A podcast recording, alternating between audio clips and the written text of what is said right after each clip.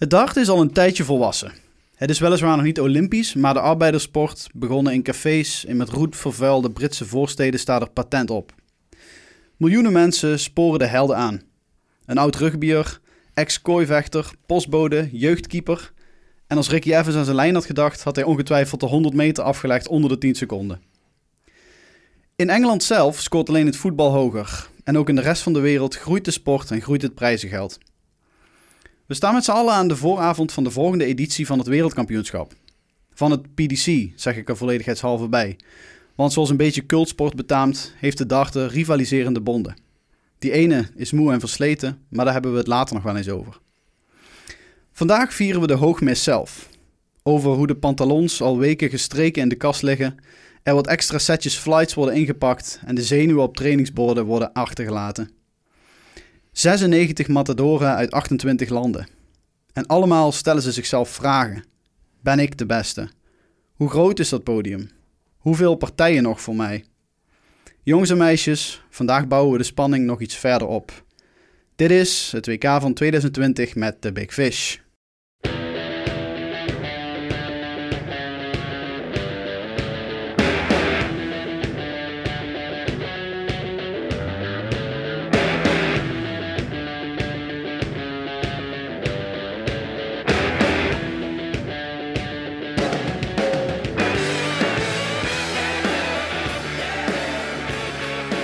Hey Jerry. Goeiedag, Luc. Hey, we gaan iets uh, nieuws proberen. Hè? Ja. We gaan, uh, weten de Big Fish vanaf vandaag. en uh, aanstaande vrijdag begint het WK. Klopt. klopt. Um, dus we gaan vandaag eventjes de spanning opvoeren en kijken wat er allemaal gaat gebeuren de komende weken. Ja. Um, waar, waar zullen we voor onze luisteraars eens gaan beginnen? Ja, ik, ik denk gewoon vrijdag begint het. Uh, 13 december. Weet jij al hoe laat? Uh, ik heb geen idee, maar ik denk dat ze met een avondsessie beginnen. Uh, want een middagsessie doen ze meestal in de weekenden. Dus ze gaan waarschijnlijk rond een uurtje of acht Nederlandse tijd beginnen. Ga ik vanuit. Jelle Klaassen mag het spits afbijten. tegen tegen een, een voor mij, ik, ik, ken hem wel, maar en voor de luisteraars natuurlijk ook een, een beetje een onbekende Kevin Bernes. Ik, die is wel goed. Uh, maar ik denk niet dat Jelle daar problemen mee hoeft te hebben. Uh, ja, en dan gaat het WK echt losbarsten. Dus ik heb er heel veel zin in. Uh, en, en, en ik denk heel veel mensen natuurlijk die kijken naar de WK uit. Dat is het toernooi, der toernooien van het jaar natuurlijk. En ja, we gaan een, een, een wereldkampioen kronen op, op 1 januari. En jij spreekt veel. Waar, waarom is het WK een ander toernooi dan, dan die andere toernooien? Want die, die vinden toch ook plaats in tamelijk grote zalen? Klopt, klopt. En er is ook veel prijzengeld te verdienen, klopt helemaal. Maar jij mag je gewoon wereldkampioen noemen. Uh, op het andere toernooi dan heb je een, een, een tv-toernooi gewonnen, inderdaad, leuk en leuk prijzengeld. Uh, maar er staat geen wereldtitel aan vastgekoppeld. Je wordt ook altijd als dachter om, omgeroepen als je een wereldtitel op zak hebt van... ja, eh, world champion of uh, two times world champion of uh, ja, in, in Raymond Warneveld zijn, zijn geval natuurlijk de five time champion of the world. Dat gaat nooit weg. Dat blijft altijd achter je naam staan en je bent gewoon een held. En daarvoor is dit toernooi natuurlijk ja, het grootste toernooi wat er is. En even, dan hebben we het erover gehad, dat, dat BDO-dingetje. Glenn Durant, die noemen ze ook WK-kampioen, meervoudig. Wat, wat vind je van dat het op die manier omgeroepen wordt? Want je zou kunnen zeggen dat, dat de keren dat hij wereldkampioen werd bij de BDO... dat toch een veredeld deelnemersveld was. Ja, dat is een beetje lastig. Ik vind, hij heeft het helemaal verdiend. Uh, is gewoon een super goede speler. Heeft goede resultaten gehaald. Ondanks dat het bij de BDO was dat hij, WK, uh, dat hij het WK heeft gewonnen een aantal keren heeft hij het wel echt gewoon verdiend. Hij heeft gewoon een goede opbouw gehad. Uh, heeft, heeft, jaren eigenlijk gewoon bij de BDO nog steeds een ranking toernooitjes gegooid, WK dus gewonnen. En zo zichzelf klaargestoomd voor dit moment. Want het is het eerste jaar dat hij dus mee gaat doen aan het PDC-WK. Hij heeft last gehad in uh, de kwalificatie voor zijn Pro Tour. Uh, dat, dat, was nog niet zo zeker of hij een Pro kaart ging halen. Voor luisteraars thuis is het gewoon een, een je hebt een Pro kaart nodig om het seizoen af te mogen gaan en te mogen spelen. Uh, maar hij heeft zich heel goed herpakt. Hij heeft echt topresultaten neergezet op tv-toernooien. En hij gaat voor het eerst een WK spelen. Wat ook nog interessant is daarnaast, is dat hij dus gewoon nou nog steeds huidig wereldkampioen is bij de BDO. Stel je voor, hij wint dit WK, dan is hij gewoon bij twee bonden op dit moment wereldkampioen. Twee weken lang. Ja, twee weken lang, want dan begint het BDO-WK inderdaad. Ja, die heeft echt een belachelijk goed seizoen gegooid, hè? Ja, ja, ja. Even uit het hoofd, volgens mij heeft hij vier echt grote tv-toernooien de halve finale gehaald. Ja. Eh, kunnen er ook drie zijn. Drie volgens mij, maar oké, kan ook vier zijn inderdaad. Maar- Ja. Eh, de laatste keer was hij, was hij wel ziek, geloof ik, tijdens het grootste tv, grote tv-toernooi. Ja, heeft hij niet, eh, volgens mij verloor hij zelfs van Barney, kan dat kloppen? Ja, heeft hij, ja, hij gaf aan dat hij niet helemaal lekker was, maar ik vond Van Barneveld op dat moment heel scherp. Hij heeft echt eh, goed gegooid. Van Barneveld heeft volgens mij 8-2 voorgestaan. Ja, precies. Ja. Barney was wel scherp op dat moment. En als hij dat op WK doet, dan kan hij ook weer ver komen.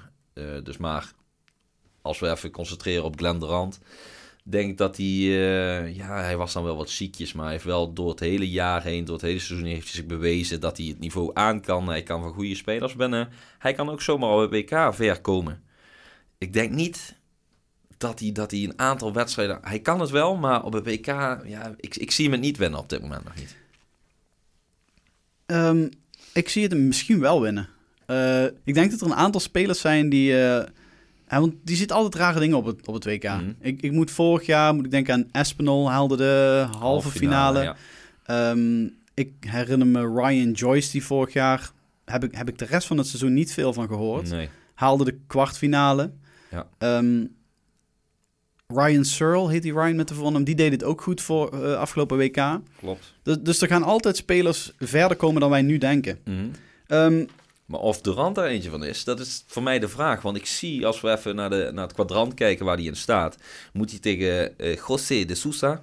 die is echt En, heel eh, goed, hè? Die is heel goed, ja. Die heeft, ik, heb op- ik heb een paar dingen opgeschreven vandaag. Praat even verder, Jerry. Want er is namelijk iets heel merkwaardigs met hem aan de hand.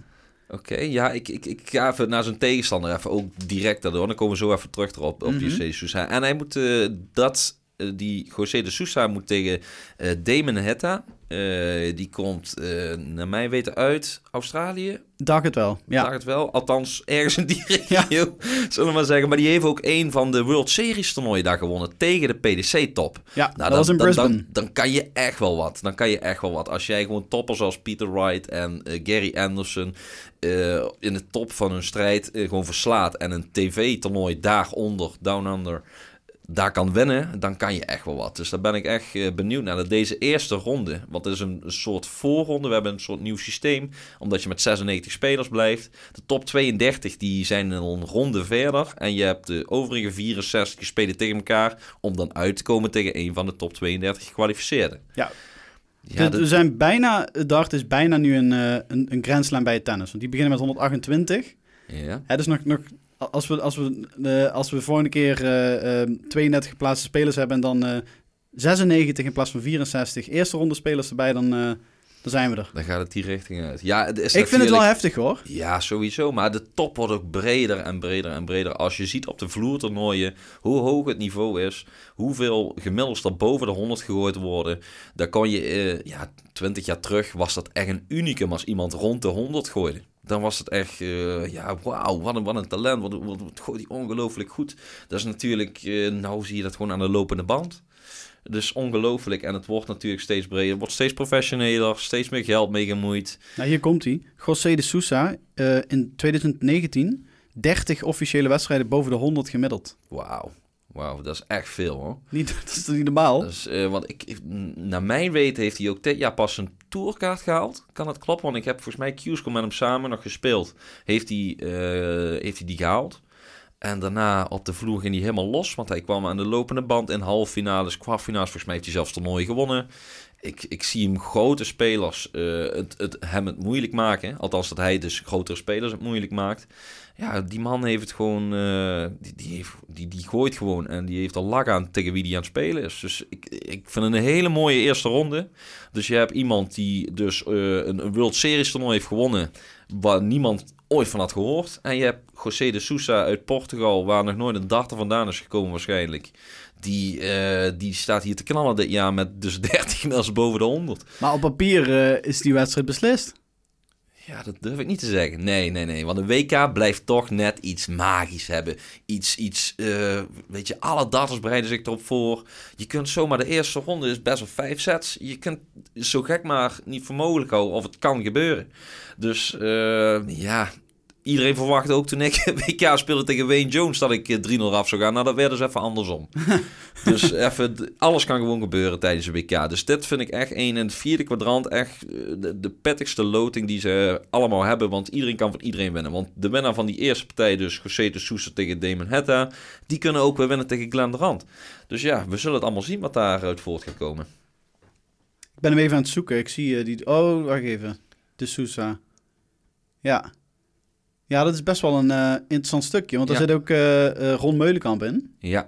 Uh Die, die speelt dus tegen Ben Rob, waar ik helemaal geen kennis van heb, moet ik eerlijk zeggen. Ehm, ik, ik zie zijn naam eigenlijk bijna voor het eerst. Ja, ja. ja die komt hij ook uit, uit, uit, uit Australië, die regio, of Nieuw-Zeeland of zoiets? Ja, dat, dat kan ik wel even nazoeken. Ja, maar dat, volgens mij was het zoiets. En uh, dan, ik, ik, hoop gewoon, ik heb Ron afgelopen weekend toevallig nog gezien op het toernooi.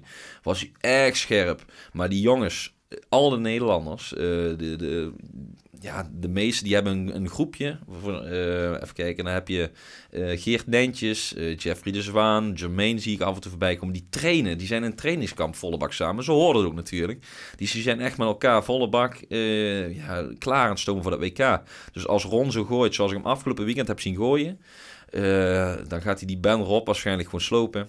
En dan wordt het tegen Chris Dobie wordt het wel zwaar. Maar ik, ik, ik schat hem zeker niet kans. Dus hij kan gewoon ook van Chris Dobie winnen hoor.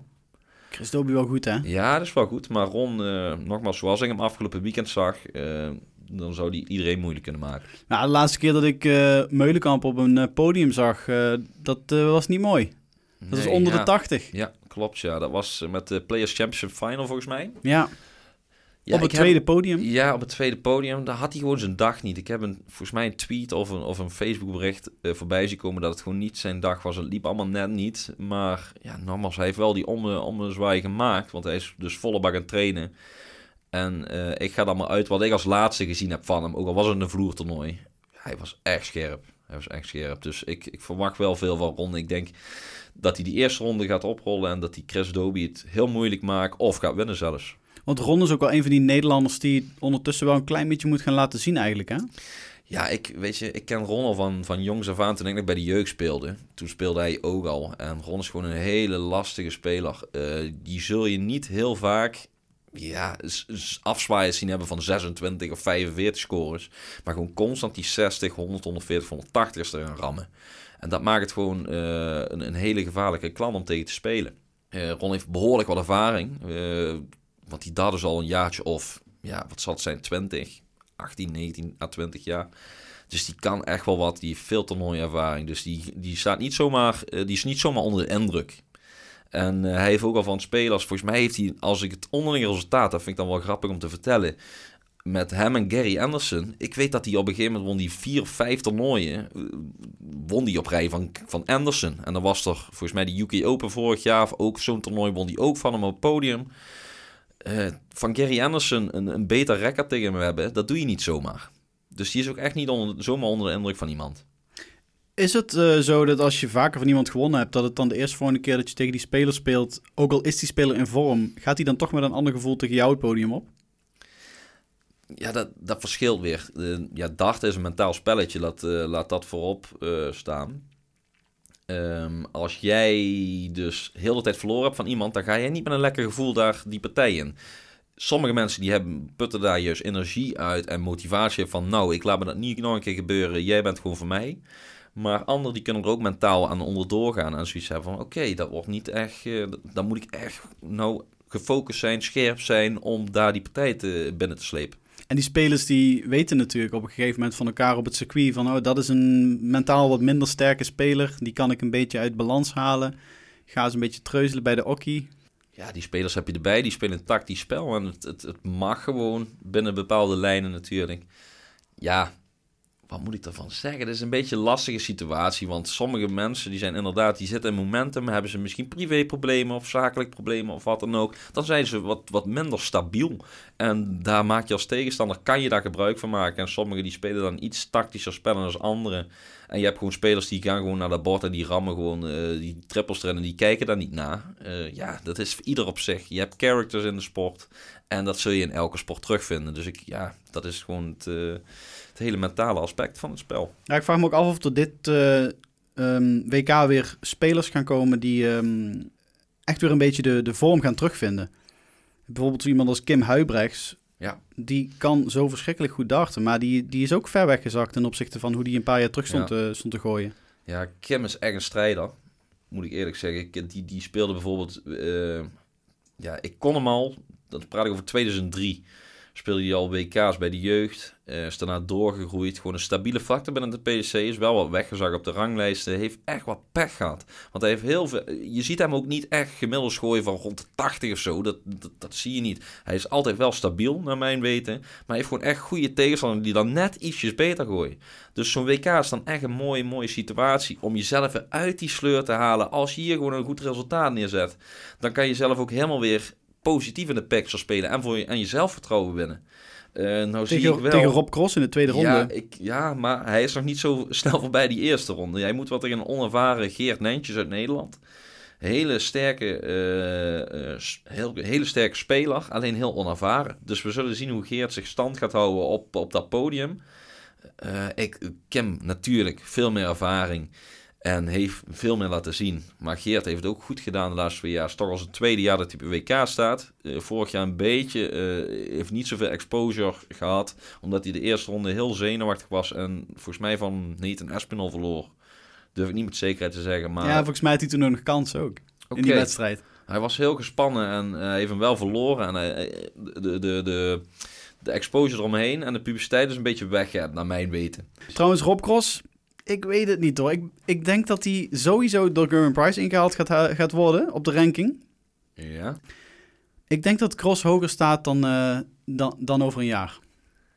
Ligt ja, dat gooi ik er gewoon even tussen. Ja, oké. Okay. Nou, ik, ik denk het uh, ligt helemaal aan zijn WK-prestatie. Ik denk het ook inderdaad, want die gaat waarschijnlijk ingehaald worden door een aantal spelers die net onder hem staan. Maar hij heeft natuurlijk 4 ton volgens mij te verdedigen op de wereldranglijst. Het werkt namelijk zo, als jij twee jaar geleden een prestatie hebt neergezet, dan moet je die dit jaar of evenaren of verbeteren. Dan stijg je iets of dan blijf je gelijk staan. Maar uh, hij heeft 4 ton te verdedigen. Als hij nou bijvoorbeeld 2 ton wint, dan zakt hij 2 ton op de wereldranglijst. Waardoor de spelers hem in gaan halen. En daar krijg je ook stress van, van zulke gegevens. Ja, waarschijnlijk kan het voor stress zorgen. Maar Rob Cross heeft dit jaar wel twee tv-toernooien gewonnen.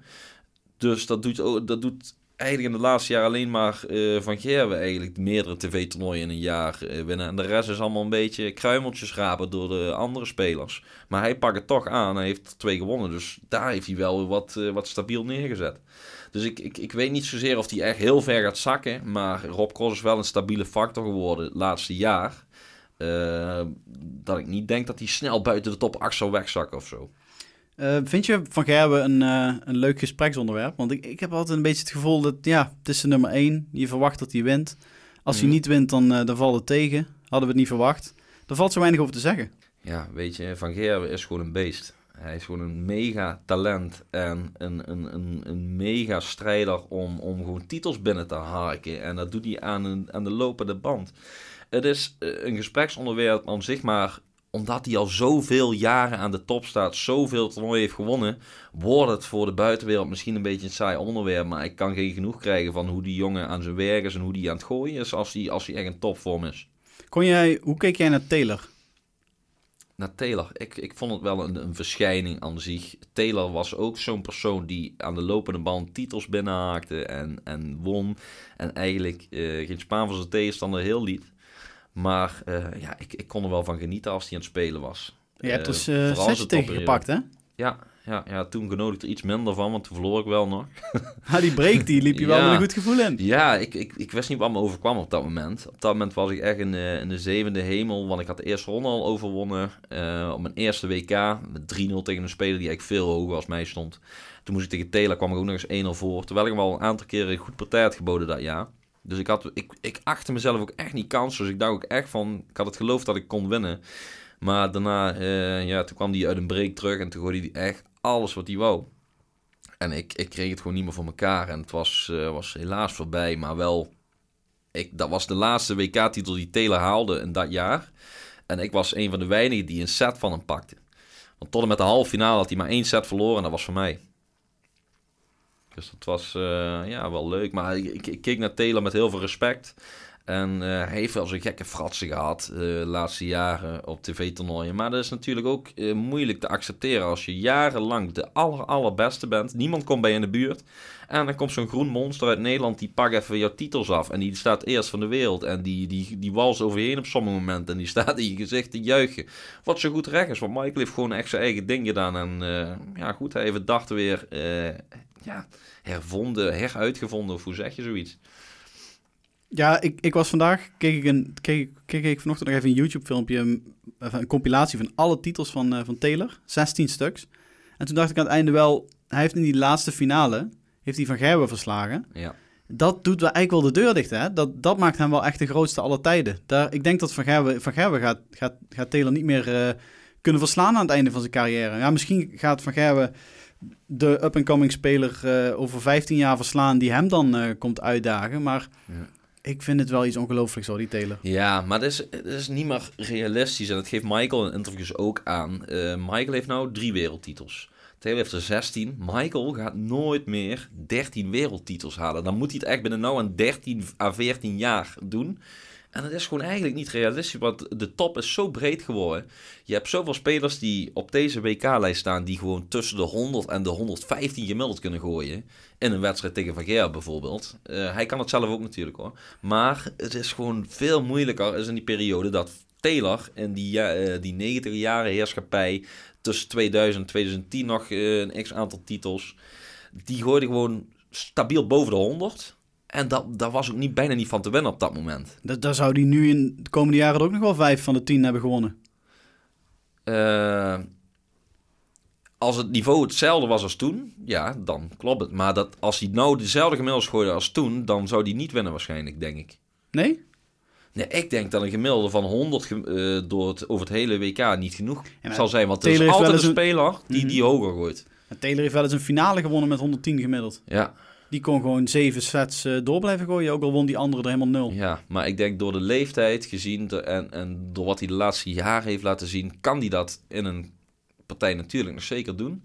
Maar uh, ik, ik, ik, denk niet dat hij. Ik denk dat er geen één speler op aarde is op dit moment die van bijvoorbeeld de komende tien jaar tien WK-titels kan winnen. En ook niet negen en ook niet acht. Uh, van Gerwen is in staat om er gewoon een x aantal aan elkaar te rijgen. Maar het is gewoon zo lastig omdat de top zo breed is. En hij blijft favoriet, maar het is gewoon, ja, er zijn gewoon echt momenten dat je zoveel spelers hebt die, die, ja, die aan de deur kloppen, die ook die titel binnen willen haken. Ja, goed. Ik, ik denk niet dat dat, dat dat nog gaat gebeuren. Dat je zo'n heerschappij zult zien als Taylor. Uh, ondanks dat Michael van Gerwen het nou echt goed doet. Maar zoveel wereldtitels, dat is heel, heel moeilijk haalbaar. Het is in elk geval de, de schaduw die Taylor over de sport werpt... dat we nu twee jaar later nog steeds uh, bij, bij aanvang van het WK... toch even over hem moeten hebben. Ja. Um, zo gaan we het denk ik niet uh, op dezelfde manier over Van Barneveld hebben. Over een paar jaar. Is natuurlijk ook een koning. Ja. Gaat zijn laatste WK in. Klopt. Is een van mijn helden, moet ik eerlijk zeggen. Ja, um, ook een van mijn. Ik, ik ken hem persoonlijk ook en ik mag hem heel graag. En ik, ik, ik, ik voel zijn pijn als ik hem uh, zie verliezen. Uh, maar mentaal uh, hoop ik dat hij stap heeft gezet de laatste maanden. Want dat was niet altijd heel, heel stabiel, zullen we maar zeggen. En uh, ik hoop gewoon echt op een hele goede run voor hem tijdens het WK. Hij krijgt het echt zwaar en meteen een mentale, uh, ja, hoe zullen we het noemen? Een mentale strijd die hij aan moet gaan. Want hij moet tegen een van zijn, ja, de protégés vind ik een groot woord. Maar hij heeft wel veel voor Jeffrey de Zwaan betekend. En ja, hij heeft nog een tijdje gesponsord, wat ik weet. heeft met hem samen gereisd. Ja, dan, dan moet je in je laatste WK-seizoen moet je tegen iemand die heel, heel dicht bij je hart staat waarschijnlijk. En uh, die ook nog in jezelfde uh, stad woont. Ja, dat, dat, dan krijg je meteen een, een, een, een, uh, een moeilijke test. En dan moeten we niet te snel op de feiten vooruit lopen. Want hij moet nog eerst tegen iemand anders. Daar ga ik wel heel makkelijk overheen. Hij moet tegen een Amerikaan, Darren Jong. Eh, Die al heel lang meedoet. die al heel lang meedoet, maar ik, die gaat dat nooit verliezen. Daar gaat hij nooit van verliezen, naar mijn weet.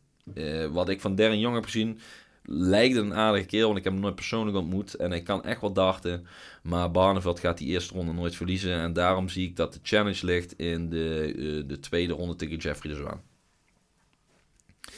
Ja, Barney Army. Eh, nogmaals, ik ben een, een groot fan. Ik hoop dat hij echt een goede run heeft. En met alle respect voor Jeffrey de Zwaan, ja, weet je, laat de beste winnen. Maar ik gun Barney gewoon echt een goede run, omdat zijn laatste WK is. En dat is een beetje mijn eh, interpretatie uit deze loting. Ja, het is natuurlijk ontzettend moeilijk om van tevoren te zeggen. Want er, er kunnen, er kunnen een heleboel dingen kunnen gebeuren. Van Barneveld kan enorm door het ijs gaan. Zelfs tegen Darren Young. Want zo kwetsbaar is hij eigenlijk wel. Dat er een heleboel dingen kunnen gebeuren. Hij was, hij was Ja. laatst was hij op de Players Championship was hij fantastisch. En de laatste wedstrijd blijf je dan toch weer achter met zo'n gevoel van... er is niet veel veranderd. Het- De, de koek is op. Ja. En Jeffrey de Zwaan ehm, heeft een aantal keren op een tv-toernooi het heel goed gedaan. Heeft ook een aantal keren best wel ondergepresteerd. Ja, dit kan een toernooi zijn dat hij een lange run maakt. Het Mhm. kan ook... Ja, Gurren Price vloog er vorige week, vorig jaar ook in de eerste ronde weer uit. En Ja. daar verwachten we toen ook al best wel veel van. Ja. Het is zo moeilijk van tevoren te Het zeggen. is het moment van de dag. dat is, het wel het moment lastig van aan wat we vandaag aan het doen zijn. Ja, we kunnen wel proberen te voorspellen. En eh, daar verdienen de boekmakers hun geld aan natuurlijk. Het Gelukkig is- kunnen we volgende week in elk geval eh, ook al terugkijken op een paar Ja, eh, ja, resultaten. klopt, ja, inderdaad. Dan kunnen we even terugreflecteren op wat we deze, deze podcast hebben gezegd. Ehm, ik, ik, ja, ik, ik heb natuurlijk wel een verwachtingspatroon bij bepaalde spelers, omdat ik die natuurlijk geanalyseerd heb en gezien heb de laatste weken nog. En de aanloop naar het WK toe. Eh, op tv-toernooi kan je natuurlijk ook baseren. Dat hebben we ook allemaal eh, kunnen zien. Dit is gewoon een lastige. Hier kun je echt... eh, Kijk, als Jeffrey die dag zijn dag heeft en Raymond heeft gewoon een off-day, dan, dan wint Jeffrey gewoon. Maar als Raymond op top is en Jeffrey eh struggelt een beetje, dan gaat Raymond gewoon winnen. Dus dat is een beetje lastig om een pick te maken op die, eh, op die partij. Zullen we er nog eens een paar dark horses uithalen? Dus ehm, we zijn over. eh, het, we zijn net, net een beetje over het, over het derde kwart gezworven, het, het vierde. Eh, we hebben het over Michael gehad. Wel- welke namen vallen jou op en, en, en voorspel jij dat er dit jaar ver gaan komen? Waarvan we het misschien niet verwachten. Ehm, ik zie, ik wil, ik wil ja, twee partijen eruit pikken waarvan ik denk dat de winnaar van die partijen eh, het, het goed gaan doen. Eh dan heb je bijvoorbeeld de Poolse speler Krzysztof Ratajski. Een Poolse speler, je hoort het goed. Inmiddels 21ste geplaatst al. Ja, 21 van de wereld. Eh, doet al twee jaar op de Tour heel goed. Heeft op tv een aantal leuke dingen laten zien. Nog niet dusdanig dat, hij, dat, dat het eruit springt, dat het in de media komt. Dat hij, dat hij als Poolse speler iets, iets fantastisch bereikt. Maar die staat echt te knallen, die kerel. Die, die blijft zo rustig. De Polish Eagle is zijn bijnaam. En hij moet het aanleggen dadelijk tegen de winnaar eh, van, van, van Jamie Hughes. Een super, super, super speler uit Engeland. Die vind ik echt, goed eh, ook, Die ja. vind ik echt stabiel en goed. En ervaring, heeft heel veel ervaring opgebouwd bij de BDO. Heeft in het eerste jaar van de PDC nog niet echt waargemaakt. Maar dit jaar laat hij echt dingen zien. Dan maakt hij echt topspelers heel moeilijk. En die moet het aanleggen tegen Zoran Lerbacher. Ja, ik ga gewoon zeggen dat die eruit gaat. Ja, Dan, eh, dat moet ik eerlijk zeggen. Ik, Zo'n hele aardige kerel. Maar die gaat het tegen Jamie Hughes in deze vorm niet, niet winnen. Dat is mijn voorspelling. En dan krijg je dus de pole tegen Jamie Hughes. Nou, de winnaar van die, die gaat het gewoon ver schoppen, denk ik. De Polish Eagle die, eh, die, gaat zijn adel, die gaat zijn vleugels uitslaan, denk ik. Ja, ik, ik, ik gun het hem wel. Eh, ik vind hem een hele aardige man en ik kan het echt goed. Ondanks dat hij niet heel goed Engels of Duits spreekt. Maar de keren dat wij eh, interactie met elkaar hadden. En ja, wij worden toevallig gesponsord door hetzelfde bedrijf. Dus dan zie ik hem op een kerstparty of bijvoorbeeld. En dan eh, heb ik gewoon echt leuke, leuke interactie met hem. En een heel relaxed en een hele realistische man. En hij kan gewoon echt van de toppers winnen. Want die speelt gewoon dagen, wint hij een Pro Tour evenement. En dan staat hij gewoon constant boven de 105 gemiddeld te gooien. Ehm, ja, goed. Dus jouw Pools, dat gaat met sprongen vooruit. Hij gaat, ik, ik denk dat hij gewoon echt ver kan komen als hij die eerste ronde overleeft. Dan zie ik dan goed dat hij daarna tegen Espinel moet. Eventueel. Eventueel, ja. En vervolgens tegen Gary Anderson. Eventueel. Lekkere route wel. Ja, inderdaad, inderdaad. Maar ja, Kijk, je hebt een kwadrant waar volgens mij... Je hebt daar een aantal goede spelers nog in zitten. Je hebt Michael Smit ook nog in dat kwadrant. Je hebt Adrian Lewis in dat kwadrant.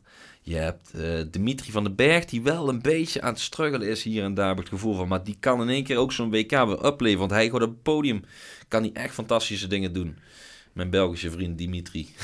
lijkt, me, uh, lijkt me ook wel mentaal een kwetsbare speler, klopt dat? Ja, weet je, hij is nog heel jong natuurlijk. En hij heeft, eh, op deze jonge leeftijd heeft hij al behoorlijk wat gepresteerd.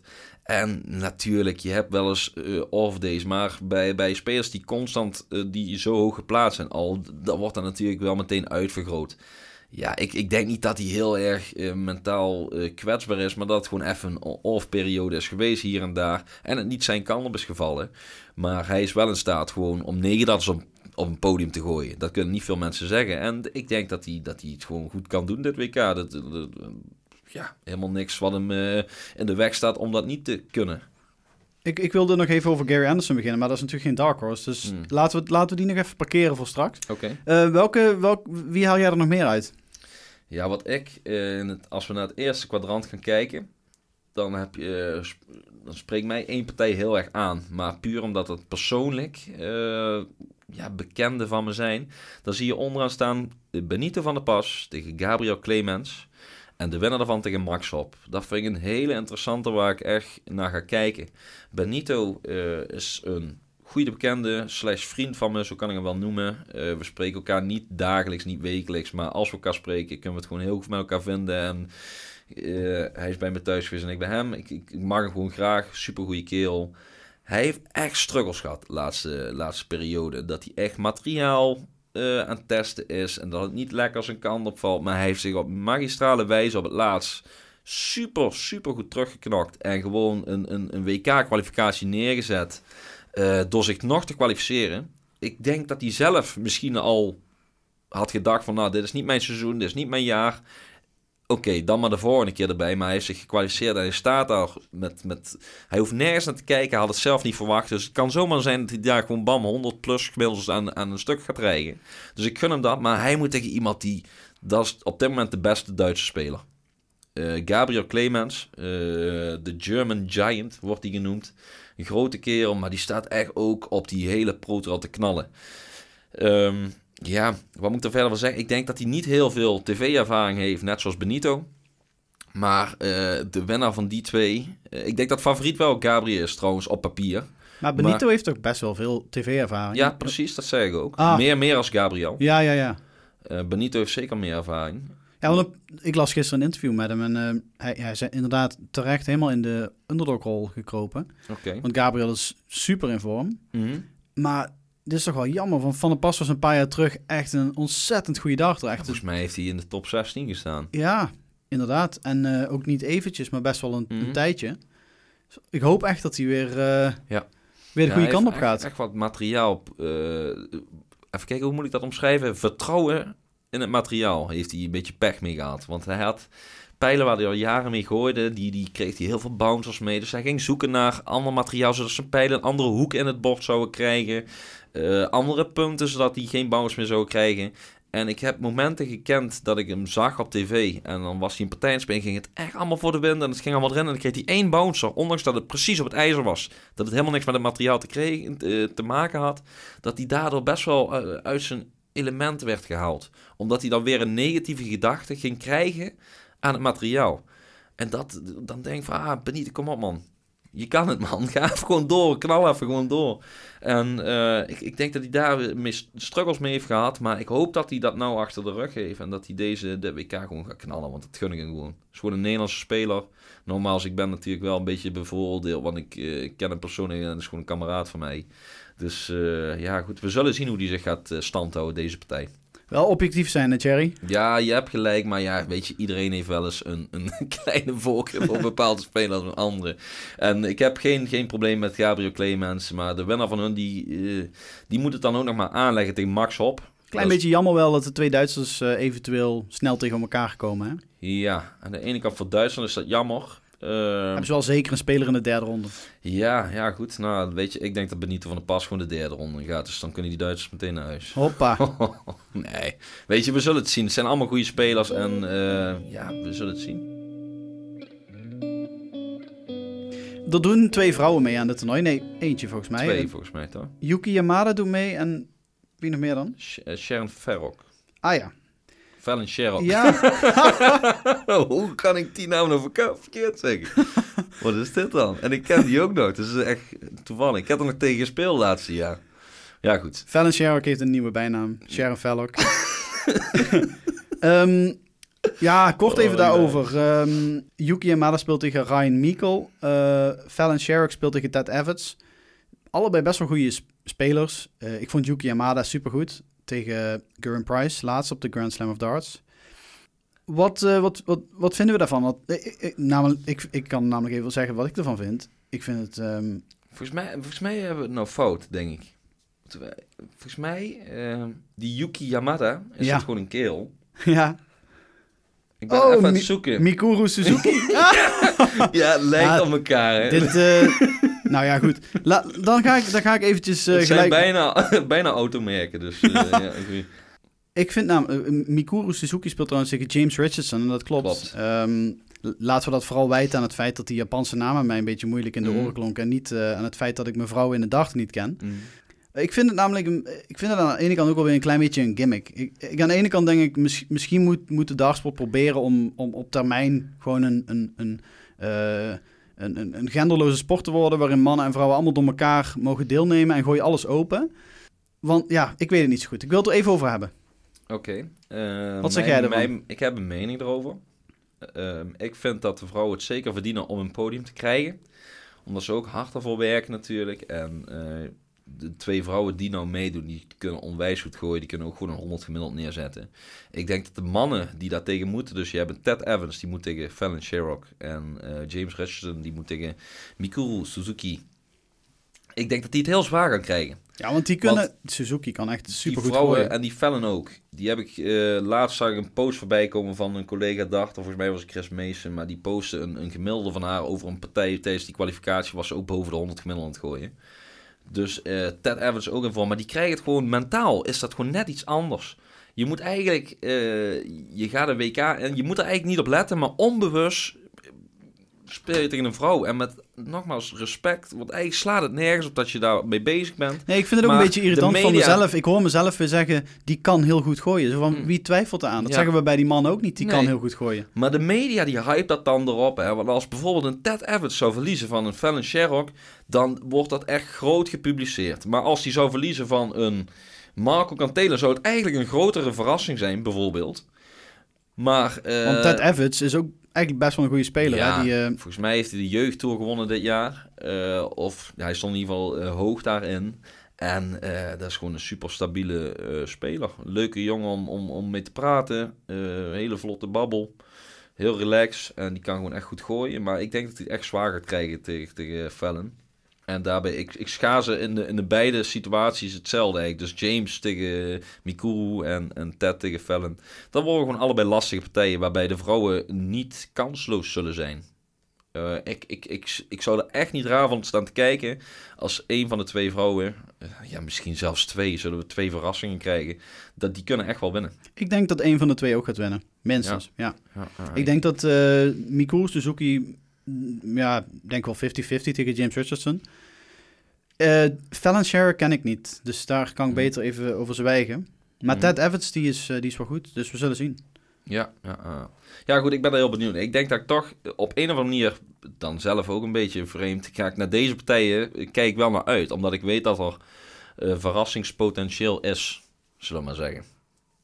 Dus eh, ja, we gaan Ja, er gaan natuurlijk weer een rare... Er gaan ook weer, weer vreemde dingen gebeuren hè, tijdens Mhm. het WK. Dat is ja, ook altijd zo. Altijd, Ja. altijd. Dus elk jaar weer hetzelfde. Dan, eh, dan, dan vul je pools in, dan doe je mee aan, eh, ja, aan, aan, aan, aan schema's invullen. En dan, ja, op een of andere manier heb ik daar weinig geluk mee.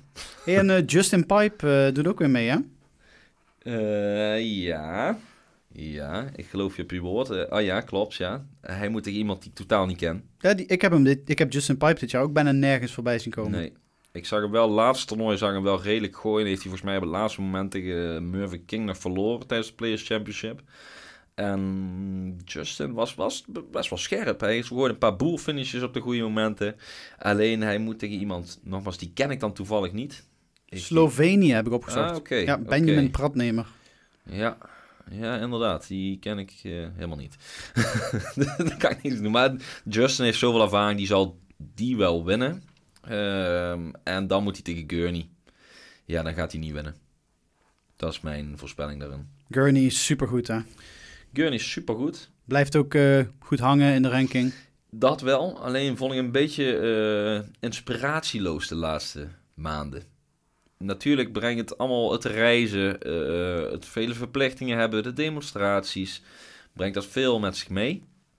Eh, ik vond hem heel gemotiveerd vorig seizoen en dit seizoen ook op momenten, maar af en toe had ik zoiets van, oh, had ik niet dat er iets loskwam in de partij door ja, hoe die, hoe die zichzelf neerzet. Dus ik weet niet wat er kan persoonlijke redenen hebben.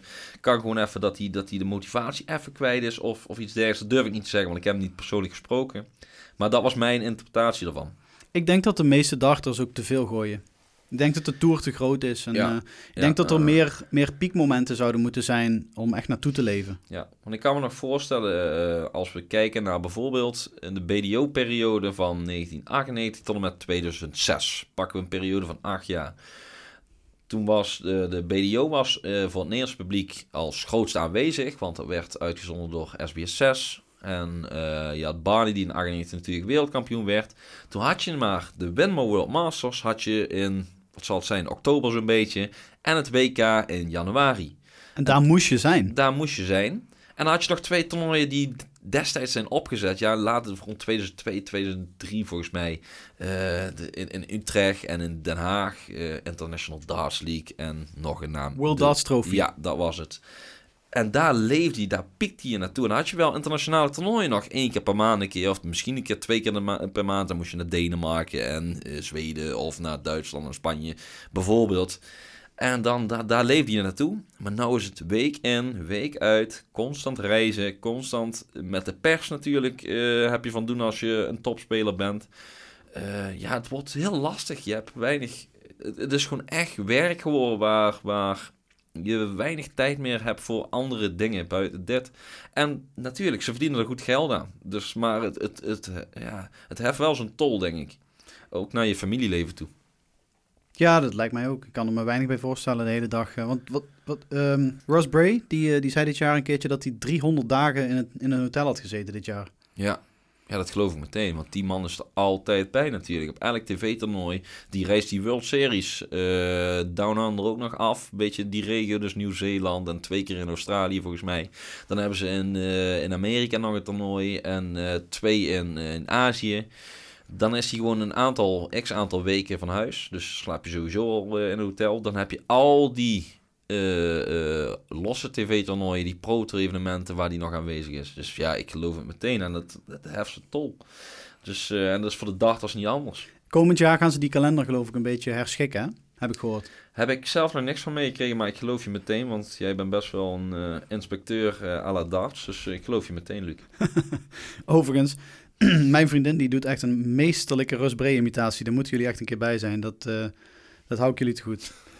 Ehm, Oké, ja, ik ben, ik, nou ben ik ook benieuwd ook. ja, Ja, goed, dat Nou, horen je, we een er- andere keer. je, je kunt je er iets bij voorstellen. Ja, Ehm, eh, even denken.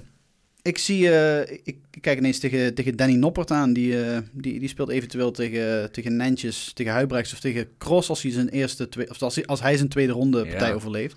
Want ik denk dat hij wel van, eh, van Steve Lennon of Callan Ritz gaat winnen. Ja. Ehm, Noppert maar kan ook nog wel eens verrassen, hè? Ja, zeker. Zeker. Een hele, hele Stabiele stabiele speler. st- stille Fries. Die echt wel van een lolletje in is. Want ik, ik kan echt met die jongen lachen. Ehm, hij heeft echt eh, een mega talent natuurlijk. Scherp. Ik ga ervan uit dat hij ook volle bak aan het trainen is op dit moment.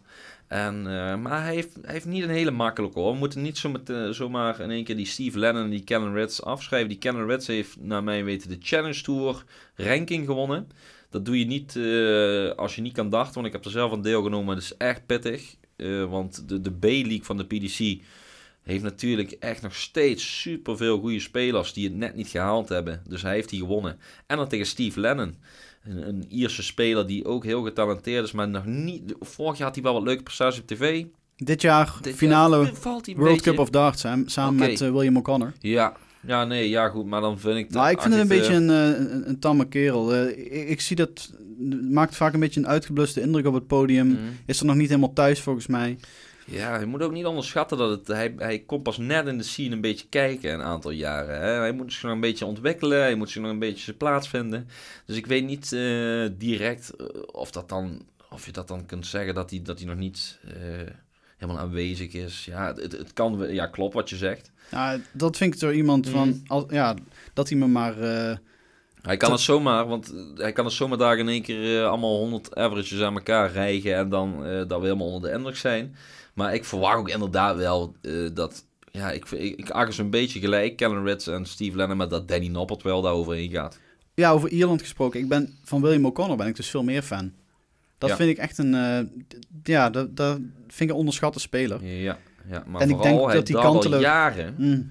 Want ik weet het dat ik mijn entry maakte bij de PDC, dat was 2012. Toen speelde hij al. En toen heeft hij een aantal jaren een beetje, een beetje lekker kwakkelen. Hij, hij was wel altijd aanwezig en hij speelde ook wel goed, maar liet niet veel dingen zien. En nou zit hij in één keer, eh haalt hij gemiddels van eh, ja, behoorlijk hoog. En wint hij ook zijn partijen. Dus inderdaad een beetje onderschatte speler. Want ja, hij kan zomaar ook van goede spelers winnen. En tegen Kantelen gaat hij denk ik wel halen. Ja, Maar daarna tegen Price, dat... eh, daar gaat hij niet winnen, denk ik. ik denk dat Price het WK wint. Ja? Ja. Oké, oké. Ja, dat... eh, Ja, ik, hij kan het. Laten we dat duidelijk zijn. Hij heeft van Vergeer wel een keer gewonnen. Hij gaat echt goede gemiddels gooit hij. Hij wint van topswiss. Hij is niet bang. Maar of een WK te winnen, dat, dat weet ik nog niet. Hij, heeft niet, hij is niet zo'n WK-ganger, hè. Want als we zijn res- resultaten opzoeken... Volgens mij, eh, als we terugkijken, heeft hij, eh, is, hij, ja, is hij niet vaak eh, voorbij de eerste ronde gekomen. Dus misschien heeft hij een beetje een, een, een, lucky streak daar. En dat, ja, dat gaat toch ook wel mentaal meespelen. Maar inderdaad, William O'Connor tegen Marco Kantelen. Die Kantelen die ken ik toevallig al, eh, ja, wel, zullen we zeggen, 15 jaar. Dat ik naar eh, Finland en naar Zweden en naar Denemarken afreisde. Dus Scandinavische landen waar die speelde. Hele vreemde stijl. Hele sympathieke, aardige man. Komt niet heel veel uit, maar wel relax. En er zal je niks raars zien doen. Maar die gaat het afleggen tegen O'Connor, denk ik. Maar dan tegen Price, ja, goed, dan... Oké, Luc. er zijn er een aantal spelers, Nederlandse spelers waar we het niet over gehad hebben. Waar ik het wel nog over wil hebben. Eh, even kijken. Ten eerste Jan Dekker. Eh, daar heb jij... eh, hij moet tegen Ryan Joyce. Vorig jaar kwartfinale. Wat, wat denk jij ervan? Nou, ik herinner me van vorig jaar van Ryan Joyce dat hij heel stabiel was. Ehm, ik heb er dit jaar niet veel van gezien. Ehm, en Jan Dekker vind ik een hele sympathieke vent, maar die is... Die, die, die, daar, die overtuigt mij meestal niet zo. Oké, oké. Dus, dus daar ben ik wel... Ik ben heel benieuwd en ik hoop dat hij wint, hoor. Ja, eh, eh. ja zo Mm. sta ik er ook aan, want ik, ik mag Jan heel graag natuurlijk. En eh, hij heeft zich dit jaar niet, niet dusdanig, want hij heeft ook dezelfde WK-kwalificatie als ik nog meegespeeld, die hij gewonnen heeft. Dus heel veel respect daarvoor heeft hij zich eh, echt goed laten zien. Hij gooide heel stabiel die dag en zijn finishes en zijn trippeltjes goed. Dus ik verwacht dat hij ook hetzelfde verhaal als Benito, ook op het laatste moment gekwalificeerd, dat hij hopelijk een opleving gaat hebben. Ik denk dat Ryan Joyce wel een pittige tegenstander kan zijn. Maar ik, ik hoop gewoon dat Jan eh er overheen loopt en dat hij lekker zijn vorm vindt op die dag. En dat hij lekker aan trainen op dit moment. En, eh, maar hij gaat het dan eventueel, als hij zou winnen tegen Johnny Clayton, ook wel zwaar krijgen. Maar Johnny Clayton, idem dito, heeft een aantal lastige maanden achter de rug. Eh, dus dat biedt wel kansen voor Jan. Het is niet zo dat hij... Hij is sowieso niet kansloos. En hij kan zomaar Ryan Joyce eh, verslaan en, en Johnny Clayton. Ja, als we dan nog verder kijken, eventueel Steven Bunting. Ja, dat zou ook... Kan ook... Dat, het kan allemaal alle kanten op, Ja, precies. Dus dat, Dat- eh, dat, ja, maar normaal, ik denk dat Jan niet heel ontevreden is over zijn bracket. Nee, In dat eerste instantie niet. Ja, de eerste nee. aantal rondes. Want eh, daarna dan loopt hij wel tegen de sloopkogel uit Vlijmen aan. En dan, is het, eh, dan loopt het spoor wel dood, vrees ik. Ja, ja, ja, eh, ja, we- weet ik niet. Weet je, ik, ik denk, Michael is natuurlijk zeker favoriet. En hij zal ja, eigenlijk op papier altijd van Jan winnen op zo'n podium.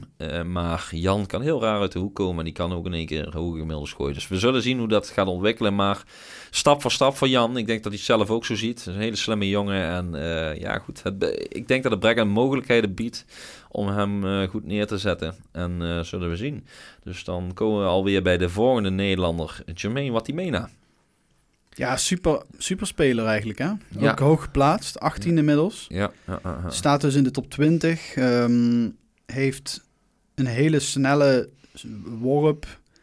Ehm, ik denk dat hij nog iets meer dan Vincent van der Voort soms iets te snel gooit. Mhm. En wel eens, echt wel eens een pijl eh, in de dubbel had kunnen gooien als hij eventjes opzij was gaan staan. Ik, vind- ik vind van Jermaine de laatste eh, maanden... vind ik dat hij zich heel veel ontwikkeld heeft... in positieve zin op podiumwedstrijden. Want op de vloer eh, kon hij van iedereen winnen. Won hij ook vaak van iemand, eh, van, van, van grote spelers. Want anders kom je nooit zo hoog op de ranglijst staan. Alleen op het podium liet hij het even afweten. En dan heeft hij sinds het, eh, eigenlijk de World Cup met Van Gerwen... vind ik dat hij zich positief ontwikkeld heeft daarin. Hij moet wel tegen een lastige... lastige tegenstander tweede ronde, ongeacht. Want hij moet tegen de winnaar dus van Luc Humphries. Jeugdspeler, jonge speler bedoel ik. Die was vorig jaar ook Eh, wel heel goed op Heel 2K. goed, ja. En Devin Peterson die ook echt wel wat kan.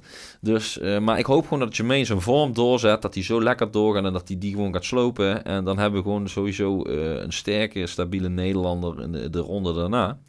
Dus ja, al het respect naar Jermaine en alle, de gunfactor ook, moet ik eerlijk toegeven. Al is het niet de makkelijke eerste ronde, denk ik, voor hem. Nee, en daarna, ehm, als we verder kijken naar zijn schema, ehm, krijgt hij waarschijnlijk James Wilson of Joe Cullen. Ehm, Ik denk het ook, ja. En daarna eventueel Rob Cross. Dus Ja, ja, maar ja, dan heb je Rob Cross. Dan gaan we wel heel ver kijken, moet ik eerlijk zeggen. Want je hebt Rob Cross, die moet nog tegen Kim Huibrechts, Geert Nentjes. ja, dat zou de... En Danny Noppert, Ja. die zit daar ook nog in, in gemixt in die, die, die, die hoek. Dus dat wordt niet vanzelfsprekend. Maar ik, ja, op papier zou je zeggen, Rob Cross inderdaad. Ja, bij de laatste 16 is dat, hè? Oké, Dus hij had, het, ja, hij had het dan toch wel... Hij had het ook iets beter kunnen treffen, denk ik, als 18e Ja. geplaatst. Maar ehm, ja, uiteindelijk moet je ze toch allemaal een keertje verslaan. klopt. En het is niet zo dat hij dat niet kan. Dus ik, eh, ja, ik, ik ga daar wel zeker naar kijken. En ik, eh, ja, ik gun hem een goed WK. hey, wie Eh, hebben we dan nog? Ehm, Vincent van der Voort, Oh, mijn, grote lange vriend uit Purmerend. Ehm, die gaat een eerste moeilijke ronde tegemoet. Eh, ondanks dat je zeggen, zou zeggen van niet tegen Keen Barry, een jeugdspeler uit Ierland, die een kwalificatietoernooi daar heeft gewonnen. Eh, ik, ik, ik, ik hoor allemaal eh, dingen rondom Keen Barry dat hij goede dingen aan het doen is de laatste jaren, zich goed ontwikkeld, een stabiele jeugdspeler, heel jong. Dus die gaat qua ervaring gaat hij het afleggen tegen Vincent. En ik hoop gewoon voor Vincent. Hij heeft zijn, zijn rugklachten onder controle op dit moment. Hij heeft zijn stijl aangepast de laatste jaren waar hij nou aan gewend is. Eh, hij doet gewoon goede zaken voor zichzelf, denk ik, Vincent. En ik, ik, ik denk ook dat hij zich op dit moment goed klaar aan het is voor het WK. Hij gaat gewoon van Keen Barry winnen.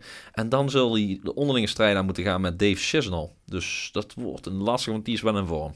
Maar ik geloof dat Vincent van der Voort eh Chisnell al verslagen heeft op de WK, toch? Was dat niet vorig jaar? Ja, dat, dat idee heb ik ook, Hang ja. hem iets van bij. Eh, als het niet zo is, dan hoor ik het graag terug van, van de luisteraars. Maar ja, Vincent die is voor niemand bang.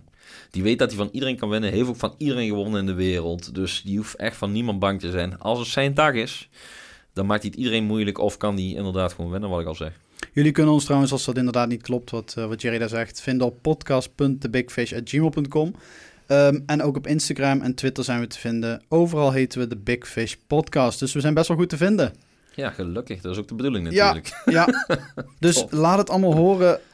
Haal vooral alle vergissingen die wij halen, eh, die wij maken, haal die eruit. En dan, eh, dan hebben we het daar de volgende keer even over. Nou, zetten we dat recht. Precies, precies. alle Nederlanders gehad. Ik, ehm, ik vind het ook wel opvallend met zo ontzettend veel WK-deelnemers. Dat, eh, dat bijvoorbeeld eh, iemand als Jamie Lewis, die volgens mij 33 of 34 staat op de wereldranglijst, twee jaar geleden de halve finale haalde, er niet ineens bij is. Ja, Waar is die Ja, gebleven? dat betekent toch, kijk, hij staat dus eh, behoorlijk hoog nog, 33, 34. Dat betekent dat hij eigenlijk in die twee jaar na het WK vrijwel niks gepresteerd heeft. Omdat je op basis van de PDC Pro Tour ranking ook nog Ja, op het dat- WK kunt belanden. Precies, dan kan je ook nog gewoon lekker je, je ponden halen, zodat je ook op de ranglijst staat. En ik weet niet wat hij nou tekort is gekomen aan totaliteit van prijzengeld, maar dan heeft hij gewoon echt te weinig laten zien om daar te staan.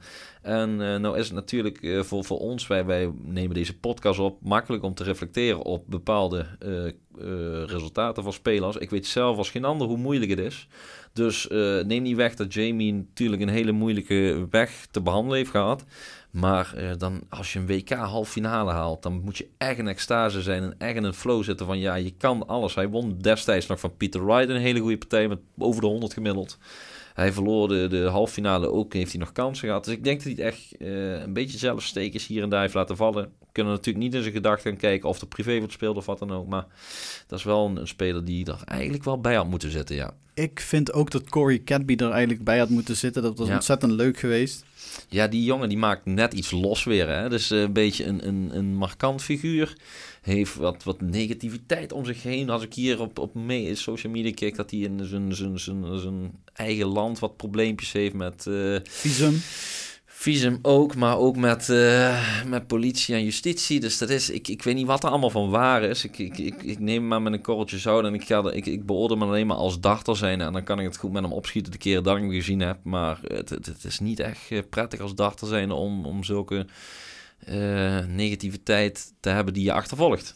Nee, precies. Die eh, heeft niet, om het zo te zeggen, een topsportklimaat om zich heen. Nee, nee, terwijl wel een managementteam echt professioneel is, waar die onder viel. Eh, des, eh, wat ik weet, die hem destijds ondersteund hebben. Maar daar is hij naar mijn weten ook alweer weg. Dus er gaat van, van alles niet lekker bij Corey Cadby. En ehm, ja, goed. Jammer, want eh, het is zo'n supertalent. Dat, daar, kunnen we, daar zal iedereen het mee eens zijn. Hij heeft een bepaalde arrogantie die je nodig hebt om goed te presteren. Ja, als je- ook mee zitten. Als je goed bent, dan mag je van mij zo markant zijn als je maar wil. Als je Ja, maar iets klopt. tegenover kan, ja, stellen. precies. Als je het maar waar kan maken en het eh, op bepaalde hoogte gewoon doseert. Weet je, eh, ik, ik ben wel van mening, en daar hebben we het voor de podcast al over gehad. eh, als je gewoon een beetje arrogant mag wel, maar niet andere spelers omlaag halen. Daar is hij geen voorbeeld van, maar was gewoon een algemene... Een algemeen gespreksonderwerp van ons. Maar goed. Ja, de eerste keer dat ik Corey Cadby zag gooien, toen schrok ik me wel echt dood. Van hoe, goed- hoe, hoe goed hij kan gooien. Ja, ja ik, ik kon hem destijds echt niet. Gewoon. En toen won hij volgens mij van Taylor op een World Series toernooi met een 107 average of zoiets was het. Eh, ja, daar sta je wel van te kijken. Dat die, want er was eigenlijk not dan vanuit Australië had je wel goede spelers. Die kwamen dan over en dan de- duurde een aantal jaren en dan presteerden ze. En hij eh, sloopte Taylor toen eh, meteen. Ja, en die ging er ook staan alsof het hem echt niks Ja, kon schelen. inderdaad. De Dus dat- zaak van de wereld. Precies. En daar heb ik dan wel respect voor als je zoiets eh, kunt doen. Dus, ik hoop dat eh, we hem snel weer zien. ja, ik, ik hoop het ook. Maar ja, dan, eh, ja, zijn leven moet hij even woorden krijgen. Denk ik dat dat het hele issue is met, met Cadby op dit moment. Oeh, dat is wel een flinke opdracht, hè? Het hele leven op orde krijgen. Moet hem Ja, wel, nee, dat klinkt wel een beetje heel ver, ver gezocht. Maar inderdaad, als ik dan, wat ik dus net al aangaf, als hij probleempjes heeft met een visum rondkrijgen en met, met justitie, wat, wat zaakjes, eh, ja, goed, dan eh, zijn dat wel punten die je moet oplossen voordat je weer eh, serieus aan je carrière kunt gaan werken, denk ik. Groetjes aan Corey. Gewoon. Ehm, Mark Webster is ook een beetje van de ranking aan het zakken. Ja. Die is er ook niet bij. Hebben we toch Ja. ontzettend vaak gezien op het WK. Hele stabiele speler, Mhm. linkshandig. Ja, eh, zonde. Dat is een ex-wereldkampioen, hè. Heeft de BDO-WK heeft hij ooit gewonnen. En eh, hele stabiele speler. Eh, hele, hele slimme jongen ook. En eh, heeft zijn zaakjes op orde. Alleen net laat, een beetje, laat een beetje varen, denk ik op dit moment. Ik weet niet. Ik denk dat hij wel nog volle bak er aan het werk is. Maar hij doet ook veel commentaar. commentatorfuncties voor, voor Sky. En ik, ik, ja, ik weet het niet. Ik vind het jammer. Want ik, ik mag hem wel. Maar hij, greep me niet echt de laatste jaren ook niet. Als ik hem zag spelen. Had ik niet zo erg van. Oh, daar ga ik maar eens even voor zitten. Nee, dat, dat klopt. Ehm, nee, dat klopt. Sommige spelers die... eh, ik, Jacques Nieuwlaat zei dit jaar een keertje... Toen, toen was hij Wayne Jones aan het beschrijven. En toen zei hij, dat is nou echt zo'n speler... Die gaat voor de hockey staan. Die gooit zijn pijlen naar het bord. En die gaat ze weer halen. dus sommige spelers... Jacques, die kan het zo mooi brengen. Sommige spelers ja. hebben, hebben echt een gebrek aan charisma. En, Ja. ehm, ehm, en daar heeft de sporter natuurlijk wel genoeg van nodig. Mensen met, die wel Mhm. charisma hebben. Ja, ja, ja, daar mis ik een, een aantal spelers wel van hoor. Moet ik eerlijk zeggen. Door de jaren heen, toen wij opgroeiden, Luc, eh, in de dart scene, althans hier in de regio, toen hadden we dus eh, echt markante figuren. Een Ted Henke, een Andy Fordham, een Daryl Fitt, een Tony O'Shea, Martin Adams. Ik noem ze allemaal gewoon maar op en ik zal er vast nog, zeker nog een aantal vergeten. Maar die hadden een bepaald karakter. Die, die, die, die kwamen ergens, die gingen een demo geven en die werden geliefd of gehaat door mensen. Had je er ook tussen natuurlijk, maar die, die hadden wat. En dat heb je nou natuurlijk ook. Heb je een aantal spelers tussen die dat hebben, maar sommigen hebben dat gewoon totaal niet. Nee, daarom is Gurren Price ook hartstikke goed voor het dachten. Maar wat, wat mij opvalt aan Gurren Price is dan wel gelijk dat er is, er is heel veel discussie over, over zijn manier van doen. Mm. Uh, en hij wordt eigenlijk hij, hij, krijgt eigenlijk op het podium alweer een soort mediatraining en begint zich alweer een beetje... En aan de andere kant denk ik ook van, laat die, laat die man lekker uh, precies zijn eigen persoonlijkheid op het podium uit uh, venten. als, hij, als hij wil schreeuwen, laat hem dat fijn doen. Ja. Ja, ja, hij is natuurlijk wel, uh, wel een beetje angstig geworden voor boetes waarschijnlijk. Want die heeft hij een flink, uh, flink aantal aan de broek gehad. Na wat tafereel op het podium. Heeft hij wel aangevochten en is iets van kwijtgescholden. Volgens mij, dat is er gebeurd. Maar ja, goed, hij heeft gewoon zijn eigen stijl. En ik denk ook niet dat je zo'n Bezos als een prijs meteen kan temmen. Maar hij had er wel wat nadelen en, en, en merkte hij erbij dat het publiek niet meer achter hem stond. En daar heeft hij heel veel last van gehad. En sinds zijn overwinning op de Grand Slam dit jaar denk dat hij weer uh, wat meer geliefd is door mensen. Dus ik denk dat hij wel een positieve draai heeft gemaakt, wat ook een positieve invloed gaat zijn op dit WK. Ja, ik, ik had verwacht dat, dat het zijn spel misschien een beetje zou, negatief zou beïnvloeden. Maar hij is ja. eigenlijk juist nog beter gaan spelen sinds ja. dat hij ook uh, bij het publiek wat geliefder is geworden. Ja. Dus dat heel interessant om te zien wat dit WK gaat doen. Want hij heeft, als ik het goed zeg, zeven wedstrijden op het WK gespeeld in de geschiedenis. Twee maar gewonnen. Ja, dat, die status is hij eigenlijk al wel een beetje ontgroeid. Hè? Ja, dat doe die, ik het beter, hè? Hey! nee. ja, even kijken. Jij hebt tot... Ik heb er vier gespeeld en twee gewonnen. Ja, ja 50-50. Potverdorie. Ja. Ik, wilde, ik wilde nog iets zeggen. Oh ja, Ted Henky. Wat, wat, weet, wat, wat doet hij tegenwoordig? Um, ik heb vernomen dat hij hier en daar wat BDO-toernooien nog speelt. En dat hij uh, niet echt presteert. Ik denk dat hij veel in de, in de, in de exhibition, in de ja, in, in, een demo-scene nog doet, denk ik. Want ik denk dat hij nog steeds wel een, een populaire speler is en die mensen uh, altijd blijven herkennen. Alleen qua niveau weet ik niet hoe die op dit moment speelt. Want ik heb hem echt al even niet meer gezien. En uh, ik ken hem, ja, ik heb vroeger altijd getraind met hem. Hier in de regio kwam hij vaak in Venlo. Ja, ik heb, ik heb volgens mij nog pijlen op de dubbel gehad tegen een 3-0-1 uh, tegen Ted Henk. Ah, oké. Okay. heb je ook een demotje van hem mee? Ja, en toen speelde ik later op de middag nog tegen jou. Ah, oké. Okay. dat kan ik me niet meer herinneren. Heb je gewonnen toen? Of? Nee, er werd 4-2 oh, okay. volgens mij in een ah, dubbel. In een dubbel, ja. Ah, ah, oké. Nee, ja, dat geloof ik meteen, Luc. Uh... Volgens mij is dat ook de enige keer dat we een wedstrijdje tegen elkaar gegooid hebben. Oké, moeten we snel een keer halen dan. Um, we gaan een beetje afronden, jongens en meisjes, want uh, het WK komt eraan. We hebben de bracket doorgenomen, we hebben een heleboel dingen besproken. Als jullie, uh, als jullie iets van ons, uh, van ons willen weten, of als jullie een reactie willen achterlaten, dan, hè, wat ik net opnoemde, de Big, de Big Fish podcast, overal te vinden, namelijk op Instagram en op Twitter. podcast.thebigfish.gmail.com is ons e-mailadres. We zullen er snel weer zijn, zo gauw als de wedstrijden zijn gespeeld. Um, vergeet ik iets, Jerry? Nou, ik denk dat we de meeste dingen wel hebben besproken. Uh, vooral in, in aanloop naar WK toe. Dit is natuurlijk een pre-WK podcast natuurlijk. Dus we hebben de leuke, leuke dingen wel besproken. Kijk, we komen elke week dadelijk terug, mensen. Dus ik hoop dat jullie allemaal uh, deze podcast al leuk vonden. En dat we uh, veel content kunnen brengen aan jullie. Om, om lekker van te genieten. En dat we een mooie WK tegemoet gaan. En dat we dadelijk uh, leuke partijen krijgen te zien op WK. Dus voor, ja. voor mij hebben we alles afgevinkt. Ja, dat Paul Lim weer een negendachter gooit. Ja. En Seigo Asada zijn, zijn, zijn grote bril weer opzet.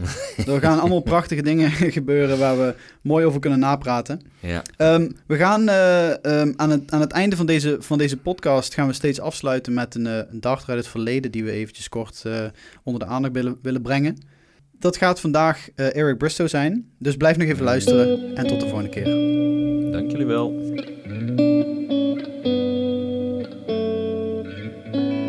Een kraaienklauw die zich sierlijk om de pijl plooit. Dat was ongeveer hoe Eric Bristow zijn pijlen naar het bord gooide. Nee, hij was meer iemand die wierp in plaats van gooide. Hij was geen gewone. Zijn vader was stucadoor en zijn moeder bediende de telefoonlijn, maar Erik en zijn talent, dat was iets anders. En hij liet het weten. Hij was, zoals ze zeggen, trots als een aap met vijf lullen. John Lowe deed het voor het geld, Jockey Wilson voor de mensen en Eric, Eric gooide voor zichzelf. En hoe? Vijf keer wereldkampioen. Daarna nog van alles. Soms gedoe en ook het darten.